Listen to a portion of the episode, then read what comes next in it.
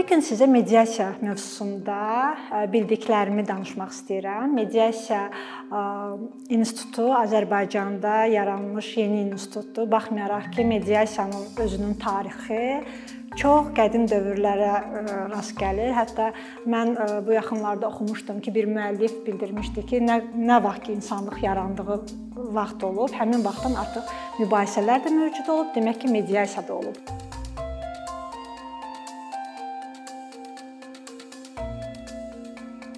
Mediasiya özü mediation sözündən götürülüb və vasitəçilik deməkdir. Mediasiyanın mahiyyəti də ondan ibarətdir ki, o yaranmış mübahisələri üçüncü tərəf, yəni iş üzrə heç bir marağı olmayan bir tərəf həll etsin. Mediasiya Şumerlərin dövründən də gəlib çıxıb, Roma, Yunan tarixindən də biz daim mediasiya ilə məşğul olan insanlar barəsində məlumatlar görmüşük. Və ən əsası bax indi müasir mediasiyanın formalaşması 20-ci əsrin artıq ortalarında ilk dəfə ABŞ-da yaranır və sonra Anqlosakson ölkələri olan İngiltərə və Avstriyada, Avstraliyada və sonradan artıq bütün Avropaya yayılıb mediasiya və mediasiyanın da əsas yaranma səbəbi, vüsət alma səbəbi ondan ibarət idi ki, insanlar arasında çoxlu xırda mübahisələr var idi və bu da məhkəmələri artıq dərəcədə yükləyirdi və necəsə bundan xilas olmaq lazım idi. Ona görə Amerikada belə bir qərara gəldilər ki, mübahisələrin alternativ həlli yolu tapsınlar və bu mediasiya idi və Amerikada bu öz uğurlu nəticəsini göstərdi. Təsəvvür eləyin mübahisələrin 85%-i mediasiya ilə həll olunurdu, onların da 95%-i icra olunurdu və məhkəmələrin yükü olduqca azaldı və sonradan artıq bütün dünya mediasiyaya üstünlük verməyə başladı və artıq tək məsəl üçün mən danışacağam bizdə mediasiyada konkret mübahisələr həll olunur, amma dünyanın əksər ölkələrində hətta cinayət məsələlərində belə mediasiyaya müraciət edirlər.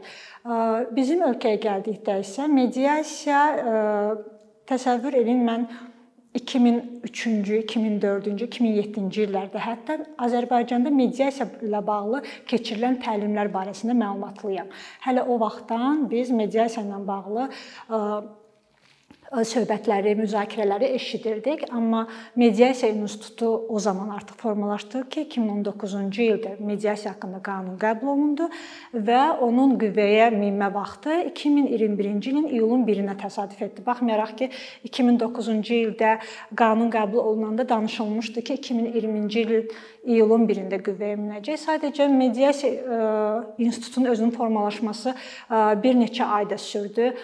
Gah dedilər iyulun 1-də qüvvəyə minəcək, gah dedilər 20-ci ilin yanvarında qüvvəyə minəcək. Belə uzatdılar və bu institut iyulun artıq 1-i 2021-ci ildə tam qanuni qüvvəyə mindi və bütün qanunvericiliyə dəyişiklik oldu. Mediasiyanın məcburiliyi məsələsi ortaya çıxdı və artıq iyul ayının 1-dən biz bir çox işlərdə mediasiya institutuna gedirik.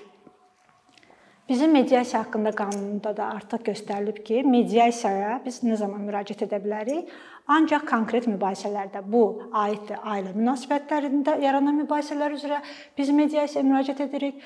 Əmək mübahisələrində, kommersiya mübahisələrində bunlar məcburidir və inzibati mübahisələrin bəzi inzibati məsələlərdə biz mediasiyaya müraciət edə bilərik. Məcburiliyi hələ qüvvəyə minməyib.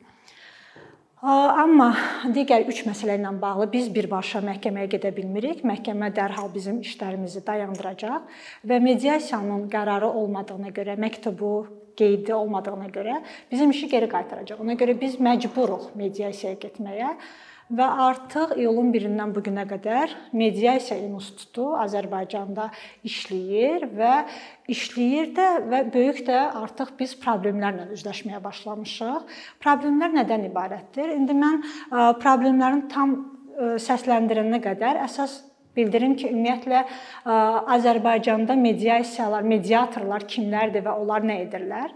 Mediatorlar Bizdə qanunda qoyulmuş şərtləri belədir ki, 25 yaşına çatmış şəxslər mediator ola bilərlər. Bunun üçün 3 illik iş stajı lazımdır, sertifikatları lazımdır ki, onlar mediatorluq kurslarından keçiblər.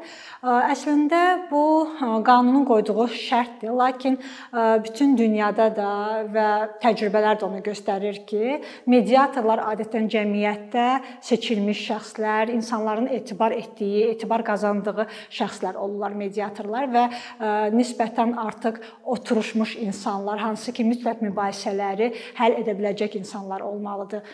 Mediatorlar məsəl üçün mən oxuyuram bəzən ABŞ təcrübəsində oxuyuram, yazırlar ki, mediator bir təşkilatın mediatoru sadəcə sendviç yeyə, məsələn, insanların, məhkəmələrin həll etmədiyi işi belə rahatçılıqla həll edir. Bu onun təcrübəsindən və ona edilmiş etimaddan irəli gəlir ki, mediator artıq mübahisəni çox rahatçılıqla həll edə bilər. Təcrübəsi bunu göstərir. Amma bizim bizdə bu dəqiqə bizdə əsas problemlər odur ki, mediatorlar bu yeni institut olduğuna görə mediatorlar özləri də belə deyim də çaşbaş qalırlar. Yeni institutda heç kəs heç kəsi hələ tanımır. Cavan insan insanlardır. Bu yaxşıdır. Mən demirəm yaşlı insanlar olsun, amma cavan insanlardır və bilmirəm, yəni bu mübahisələrin həlli ilə bağlı heç bir təcrübələri tutaq ki, yoxdur. Və özdə bizim qanunvericilik ümumiyyətlə dünyada da belədir ki, mediatorun məhz hüquqşünas və ya da vəkil olduğu kimi bir imperativ norma qoymayıb. İstənilən şəxs mediator ola bilər, tək ki o səlis danışsın öz fikrini səlis ifadə edə bilsin və mübahisəni barışıqla həll edə bilsin. Yəni vacib deyil sənin hansı biliklərin olsun. Mediasiya prosesi zaten odur ki, mediator sadəcə oturur və tərəflərin mübahisələrini dinləyir və onlara təklif edir ki, gəlin danışıq yolu ilə bu məsələni həll eləyək. Yəni hər iki tərəfin fikri nədirsə, ortaq bir məxrəcə gəlməyə kömək eləyir. Yəni mediator əslində ona qanunda budur, bu olmalıdır. Bax sənin hüququn budur, sənin hüququn budur kimi ə, e, məsləhətlər vermir. Sadəcə icazə verir ki, tərəflər öz mübahisələrini ə, e, danışıq yolu ilə həll etsinlər. Mediasiyanın mahiyyəti də bundan ibarətdir ki, insanlara imkan verir ki, onlar öz fikirlərini dan e, danışıqla ə, bildirsinlər, səsləndirsinlər və ə, hər iki tərəf müzakirə edib ortaq bir məxrəcə gəlsinlər. Məhkəmələrdən fərqi də mediasiyanın əslində odur. Məhkəmə və mediasiya deyəndə ən böyük fərq də ondan ibarətdir ki, ki, məhkəmədə iki tərəf olur, udan və uduzan tərəf olur. Amma mediasiyada udan uduzan tərəf olmur. Yəni onlar hər ikisi özünə belə deyim də özünü razı salan bir mövqedə çıxış edirlər və ortaq məxrəcədə elə gəlirlər. Məhkəmənin məsəl üçün qərarı çıxandan sonra, mən nə bilim, qətnamə çıxandan sonra bir tərəf həmişə narazı qala bilər. Apellyasiya şikayəti verir, kassasiya şikayəti verir, özünü uduzan tərəf kimi hiss edir, amma mediasiyanın üstünlüyü ondan ibarətdir ki, məsələn dünyada da belədir ki, orada sən kiminsə uduzan tərəf olduğunu düşünə bilmərsən. Çünki özləri razılığa gəliblər, özləri bir saziş imzalayıblar və fikirləşiblər ki, hə bizim aramızdakı mübahisə belə həll olunsa daha yaxşı olar. Mediatorla vəkillərin də fərqi ondan ibarətdir ki, mediatorun tərəflərə və mübahisəyə heç bir marağı olmur. Ona görə tam obyektiv bir mövqe sərgiləyir. Zaten qanunumuz, qanunvericilikdə də bu mediator üçün xüsusi bir şərtdir ki, onun heç bir marağı olmamalıdır. Tərəflərin bərabərliyini təmin etməlidir, konfidensiallığını təmin etməlidir. Amma vəkil vəkillərdə belə deyil. Vəkil mütləq bir tərəfin maraqlarını maraqlarını təqdim edir. Ona görə də mediatorla vəkilin fərqi bu hissədə var. Bizim məsəl üçün bizdə əksəriyyət mediatorları mən müşahidə edirəm. Onlar həm də vəkillərdir, hüquqşünaslardır, psixoloqlardır. Düzdür, mən özüm bir sıra müsahibələrimdə fikirləşdi, fikirləşirdim ki, hətta bunu səsləndirmişəm ki, mediatorların hüquqşünas olması daha önəmlidir. Çünki qanunvericiliyi daha yaxşı bilirlər və tərəflərə qanunvericiliyi təqdim edə bilərlər ki, qanunvericilikdə nədir. Amma mediasiyanın mahiyyəti əslində bu deyil. Düzdür, bizdə Azərbaycanda biraz başqa biz e, başqa cür yanaşırıq. Amma e, mediasiyanın e, mahiyyəti bu olmasa da bizdə mediasiya başqa formada təqdim edilir. Məsəl üçün tərəflər tutaq ki, əmlak bölgüsü ilə bağlı müraciət edirlər. Əlbəttə onlar istəyəcəklər ki, orada onların bərabərliyi təmin edilsin. Yəni bir tərəfə az, bir tərəfə çox əmlak düşməsin. Ona görə o hissədə hesab edirdim ki, düşünürəm ki, mediatorun hüquqşünas olması daha yaxşıdır, amma əslində dünya üzrə isə bu önəmli deyilmiş. Mediatorun hüquqşünas yox, adi vətəndaş da olması kifayət edir, tək ki mübahisələr həll olunsun və mübahisəni də tərəflər məhz istədiyi kimi həll etməlidirlər. Yəni mediator sadəcə mübahisənin mediasiyada həll edilməsini təmin edir. Və gələk bu dəqiqə bizim üzləşdiyimiz əsas problemlər nədən ibarətdir? Mediasiya biz mediasiyaya ona görə ümidlə e, bu institutun işləməsini ümidlə gözləyirdik ki, düşünürdük ki, həm məhkəmələrə gedə məhkəmələrimizin yükü azalacaq, həm bizim vəkillərin yükü azalacaq və e, bir çox məsələlər elə mediasiyada öz həllini tapacaq. Amma nə baş verdi? E, hələlik bilmirəm, yeni institutdumu və yaxud da qanunvericilikdə boşluqlar çoxdurmu, nədəndirsə, hələ biz bunu müşahidə etmirik əksinə e, bizim biz vəkillərin işi daha da artmağa başlayıb. Bu da səbəb nədir? Biz mediasiyaya müraciət edirik. E, mediasiya müraciət etdikdən sonra e, birincisi qanunvericilik tələb qoyur ki, mütləq tərəflər bir-birlərinə mediasiyaya gəlmək barədə təklif təklif göndərməlidirlər və bu təklifdə necə olur? Biz təklifdə mütləq hansısa bir mediasiya mediatoru seçməliyik və həmin mediator mediatorun bizim mübahisəni həll etməsi üçün o təklifi qarşı tərəfə göndərməliyik. Təsəvvür edin bunun üçün tərəfin əlbəttə ki, vaxtı gedir, belə deyim, pulu gedir və bir özünə mediator seçir. Tərəfə həmin mediatorla bağlı təklifini göndərir və bu 10 gün müddətində olmalıdır. Biz oturub 10 gün gözləyirik ki, mediator məsələni həll edə bilsinmi və yaxud da bilmədimi, nə baş verdi. Əgər qarşı tərəfdən təsəvvür edin, səs soraq çıxmırsa, o geri dönüş etmirsə və yaxud da razı deyilsə, imtina edirsə, biz artıq məcburuq ki, indiki proses onu göstərir ki, biz mediasiya şurasına müraciət edirik və başa salırıq ki, artıq bizim özümüzün təklif etdiyi mediatorla bizim mübahisəmizin həlli mümkün deyil. Və mediasiya şurası yenə 10 gün içində bizə yeni mediator təklif edir və biz oturub həmin mediatorun da növbəti 5 gününü gözləyirik ki, o bizə hə yox desin, görək bizim mübahisəni həll edə bilirmi, yoxsa yox. Şəxsən mənim öz praktikamda bunun mümkün olduğunu hələ az görürəm. Mediasiya bizim ə, hələ də ə, mediasiya ilə bağlı ə, insanların təfəkkürü dəyişmədiyinə görə, hələ dərk etmədiklərinə görə ki, bu normaldır, bu yeni institutdur. Hələ də problemlərimizin çox mediasiya hələlik bizim üçün formallıq kəsb edir. Yəni insanlar mediasiyaya ümidlə, yəni ordakı mübahisənin həll edilməsinə baxıb da getmirlər. Formallıq, yəni məhkəməyə gedəcəklər də mediasiyanın imtina sənədi olmalıdır. Bax buna görə gedirik mediasiyaya. Hələ biz bu formatda çıxış edirik və lap belə də olsa, yenə də vətəndaşın vaxtı və belə deyim də pulu gedir və vaxtı kifayət qədər çox gedir. Təsəvvür eləyin ki, 10 gün içində əgər bizə mediator tapılmalı idisə və bizim məsələmiz həll edilməlidirsə, mənim ən çox üzləşdiyim problem odur ki, e, bu 1 ay çəkir. Məsələn, qanunvericilikdə tutaq ki, müddət göstərilsə də, mediasiya şurasının bu dəqiqə e, müraciət edənlər həddindən çox olur və hə, sənədlər itir, gözdən yayınır.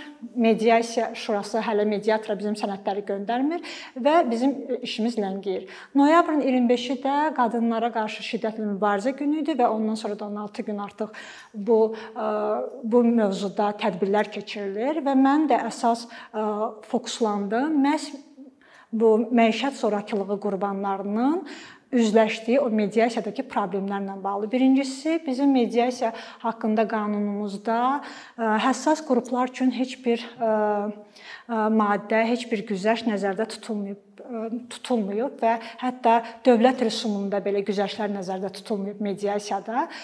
Baxmayaraq ki, bunlar mütləq nəzərdə tutulmalı idi. Belə ki, əgər məişət zorakılığının qurbanı qadın boşanmaq istəyirsə, mediator tərəflərə təklif edir ki, siz gəlməlisiniz və biz danışıq yolu ilə sizin probleminizi həll etməliyik. Təsəvvür edin ki, mənim praktikamda olmuşdu. Qadın əri tərəfindən davamlı döyülürdü və biz boşanma üçün mediasiyaya müraciət edəndə mediator israrla qadının iştirakını ə, tələb edirdi ki, o mütləq iştirak etməlidir. Biz danışandan sonra ki, axı qadın qorxur, o əri ilə görüşmək istəmir, onun iştirakı vacib də deyil. Zaten ə, etibarnamə üzrə bir nümayəndəsi var və ondan sonra hə mediator doğrudan da düşündü ki, hə belə olmaz. Yəni ə, o şiddətə məruz qalanla şiddətə məruz qoyan insanların mediator teatrda tezdən görüşməsi bu nə dərəcədə doğrudur? Yəni buna heç kəs qarantiya da vermir ki, orada nə baş verəcək. Ona görə hə biz deməli o məsələni həll etdik, amma Amma bu mütləq bu problem səslənməlidir ki, bax məişət zorakılığı qurbanlarının mediasiyaya getmək məsələsi birincisi ya aradan götürülməlidir, ya da bu çox rahat necəsə güzəştli olmalıdır və bu duruma həssas yanaşılmalıdır. Məişət zorakılıq qurbanının mediasiyaya getməyi məsələsi dayanmalıdır. Ümumiyyətlə mediasiyanın indiki dövr üçün, indiki zaman üçün Azərbaycanda ailə məsələlərinin mediasiyaya verilməsi məcburiliyi aradan qaldırılmalıdır. Əvvəlcə bunu bir könüllü institut kimi formalaşdırmalı idilər, belə düşünürəm, çünki indiki problemlər onu göstərir. Sonradan artıq insanlar istədikdə isə, artıq ehtiyac olduqda isə bu məcburi instituta çevrilməlidir.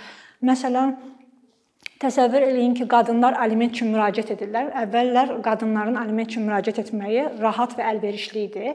Məhkəməyə bir ərizə yazırdılar. Məhkəmə çox az bir müddətdə, bir ay içərisində həmin aliment məsələsinə baxırdı. Özdə qadınlar aliment üçün müraciət edən qadınlar dövlət rüsumundan da azad idilər. Amma indi nə baş verir? Dövlət rüsumu mediasiya üçün müəyyən dövlət rüsumları var. İlkin mediasiya sessiyası üçün dövlət rüsumu 50 manatdan başlayır. Təsəvvür edin ki, mənim işlədiyim məişət zorakılıq qurbanları qucaqlarında uşaqla evdən çıxırlar. Onların nə əyin başları olur, nə gedəcək yerləri olur, nə maddi imkanları yoxdur, amma uşağı saxlamaq lazımdır və bizim dərhal alimentə ehtiyacımız yaranır. Və nə baş verir? Biz gedirik mediasiyaya və bütün günlərimiz ən azı 1 ay biz mediasiyada vaxt itirməklə məşğuluq. O mediatora zəng edirik, bu mediasiya şurasına gedirik. Bizim sənədlər nə oldu? Dövlət rüsumu necə olacaq və heç bir maddi imkanı olmayan qadın məcburdur ki, mütləq bir 50 manat tapıb o rüsumu ödəsin ki, bu mediasiya məsələsi həll olunsun. Qarşı tərəfdə adətən, yəni bizim üzləşdiyimiz praktikada olan deyirəm, adətən mediasiyaya cavab vermirlər və maraqlı deyirlər ki, o mediasiyada həll olunsun bu problem. Ona görə biz məcburuq ki, əvvəl-axır məhkəməyə gedək. Təsəvvür edin ki, qadın e, bilmir uşağını qidalandırsın, onun aliment alsın və uşağına baxsın. Bilmir ki, bax bu e, problemləri həll etsin, sonra məhkəməyə getsin, məhkəmə ona 1 e, ay içində aliment məsələsini həll etsin və sonradan başlasın aliment istəmək. Bu aliment istəmək, alimentin icrası məsələsi bir ayrıca problemli mövzudur. Aliment fondu olmadığına görə məişət zorakılıq qurbanları olan qadınlar, ümumiyyətlə heç aliment istəyən qadınlar belə yəni alimentsiz qalırlar. Yəni bu institut hələ hələ özü də bir formal xarakter daşıyır. Amma təsəvvür edin ki, həm alimentsiz qalırlar, həm də bir tərəfdən pulları yoxdur. Digər tərəfdən də qanunvericilik olaraq xüsusi güzəştlər göstər etmir, həssas yanaşmır. Yəni qadınlar mediasiyaya heç cür ayaqlaşa bilmirlər. Yəni qanunvericilik tamam mediasiya haqqında qanun qəbulu bu çox ə, ə, belə deyim, yaxşı bir seçim idi, yaxşı bir institutdur. Yəni dünyada bunu ə, təsdiqi tapılıb, artıq hamı istifadə edir. Bizdə olması çox yaxşıdır da. Amma qanunu qəbul et, etsələr belə ə, müəyyən qruplar üçün orada heç bir güzəşt nəzərdə tutulmayıb. Nə rüsum barəsində güzəşt yoxdur, nə müddət barəsində güzəşt yoxdur. Məsələn, kaş ki düşünürəm məişət zorakılıq qurbanları üçün mediasiya olanda müəyyən məsələlərdə, məsələn, ilkin mediasiyada 10 günlük yox, tutaq ki 3 günlük müddət edərdilər və yaxud da onlar zaten aliment üçün dövlət rüsumundan azaddılar, həm də mediasiya prosesində kaş ki dövlət rüsumundan azad ola bilərdilər.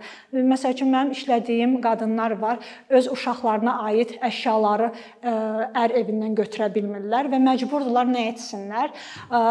Nə polis deyir mən götürə bilmirəm, nə məhkəmə deyir mən verə bilmirəm. Ona görə nə edirlər? Məcburdular mediasiyaya getməyə. Yenə də onların müddəti gedir, əsəbləri gedir, vaxtı gedir. Ən azı 1 aydan sonra biz yenə də uşağın əşyalarının alınması üçün təsəvvür edin məhkəməyə gedirik və orada nə baş verir? Yenə də dövlət rüsumları artıb deyənə, onların iddiasına əsasən də dövlətin rüsumu artıb. Yəni qadınlar bu hissədə yenə çarəsiz qalırlar. Mediasiya əslində məsələni yüngülləşdirməkdənsə, məişət zorakılığının qurbanları üçün, xüsusilə qadınlar üçün bu bu e, hissədə ağırlaşmış bir formadadır. Mən mənim işlədiyim qadınlar var Məsələn, bir qadınla işləyirəm, o hamilədir və biz mediasiyaya müraciət etmişdik ki, aliment məsələsi və boşanma məsələsini həll edək. Amma hələ də bu məsələni yekunlaşdıra bilmirik ki, biz məhkəməyə yol aça bilək. Və digər bir boşluq mediasiya haqqında qanunda boşluq ondan ibarətdir ki, nigahın pozulması məsələsi birbaşa məhkəmənin səlahiyyətindədir. Yəni bunu mediator özü həll edə bilmir. Biz tutaq ki, nigahın uzadılma məsələsinə əslində mediasiya baxır, amma nigahın pozulması məsələsi üçün biz birbaşa məhkəməyə də gedə bilmirik. Mütləq gərək e, mediasiya e, mərhələsini keçmək barəsində bir sənəd göstərək məhkəməyə. O zaman nə baş verir? E, tərəflər mediasiyaya müraciət edirlər ki, biz nigahın pozulmasını istəyirik. Və mediasiya sənəd verir ki, tamam siz bu məsələlər mediasiyada həll edilə bilmir və o sənədlə insanlar məhkəməyə gedirlər. Məhkəmə adətən mübahisələrə baxmalıdır. Təsəvvür edin ki, hər iki tərəf razıdır boşanmağa, amma son yer məhkəmədir. Mən bu yaxınlarda hüquqşünaslarla söhbət etmişdim. Məsəl üçün belə bir təklif irəli sürmüşdülər ki, əslində qanunvericilik icazə verir ki, əgər belə deyim də, nigahda olan şəxs arasında övlad yoxdursa, uşaq yoxdursa, onlar adi qeydiyyat şöbələrində də boşanma üçün müraciət edə bilərlər nigahın pozulması üçün. Amma bu situasiyada bu məsələ yenə də həll edilmir və mediasiya haqqında qanunda bir boşluq yaranır sanki. Yaxşı, əgər mənim aramda mübahisə yoxdursa, hətta mən barışıq sazişi bağlamışam ki, uşaq məndə qalacaq, qarşı tərəf ata tutaq ki, bilmirəm 100 manat alimentmi ödəyəcəyəm. Mən bir barışığa gəlmişəm. Sadəcə bir nigahın pozulmasına mediasiyanın ə, belə deyim də səlahiyyəti olmadığına görə mən tezdən məhkəməyə gedirəmsə, o zaman mediasiyaya nigahın pozulması üçün müraciət etməyə hansı əsas var idi?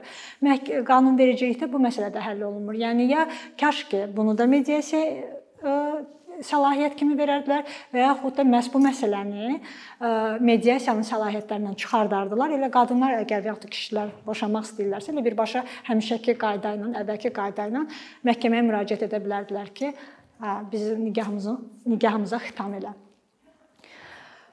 E,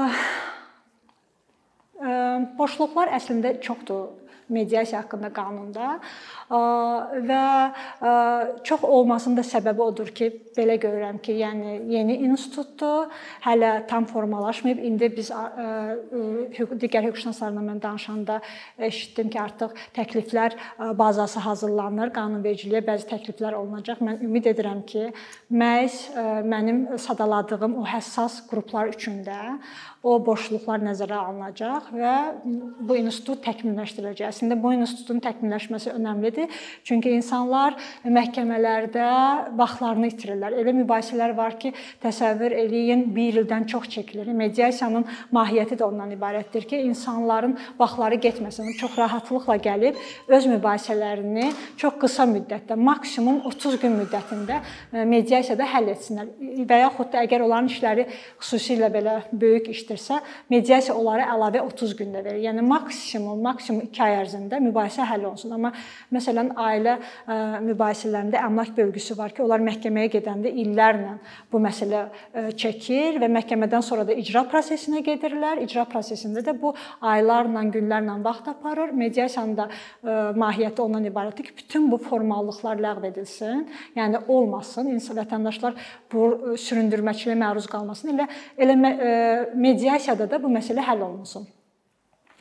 Ona görə düşünürəm ki, getdikcə mediasiyanın əhəmiyyəti insanlara çatdırıldıqca, maarifləndirmə prosesləri getdikcə, bilməm, mediadamı, televiziyadamı bu məsələlər səsləndirildikcə və insanların mediatorlara inamı artdıqca, yəqin ki, bu problemlər həll ediləcək İnsanlar artıq məhkəməyə yox, mediasiyada problemlərin həll edilməsinə nail olacaqlar ki, bu onlara həm rüsum baxımından, maddiyyat baxımından daha ucuz başa gələcək, həm də formallıq baxımından çox rahat olacaq.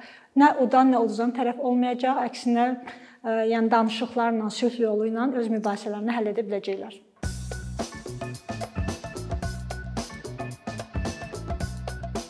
Bir neçə ildir ki, əkinçi olaraq azərbaycanlı izləyicilərin hər zaman faydalana biləcəyi keyfiyyətli və ən əsas ödənişsiz kontent hazırlamağa çalışırıq. İndiyədək təqdim etdiyimiz onlarla animasiya və yüzlərlə çəkilişlər tələbələrin, mütəxəssislərin, müəllimlərin və ümumiyyətlə yeni mövzulardan xəbərdar olmaq istəyən çox sayda insanın marağına səbəb olub.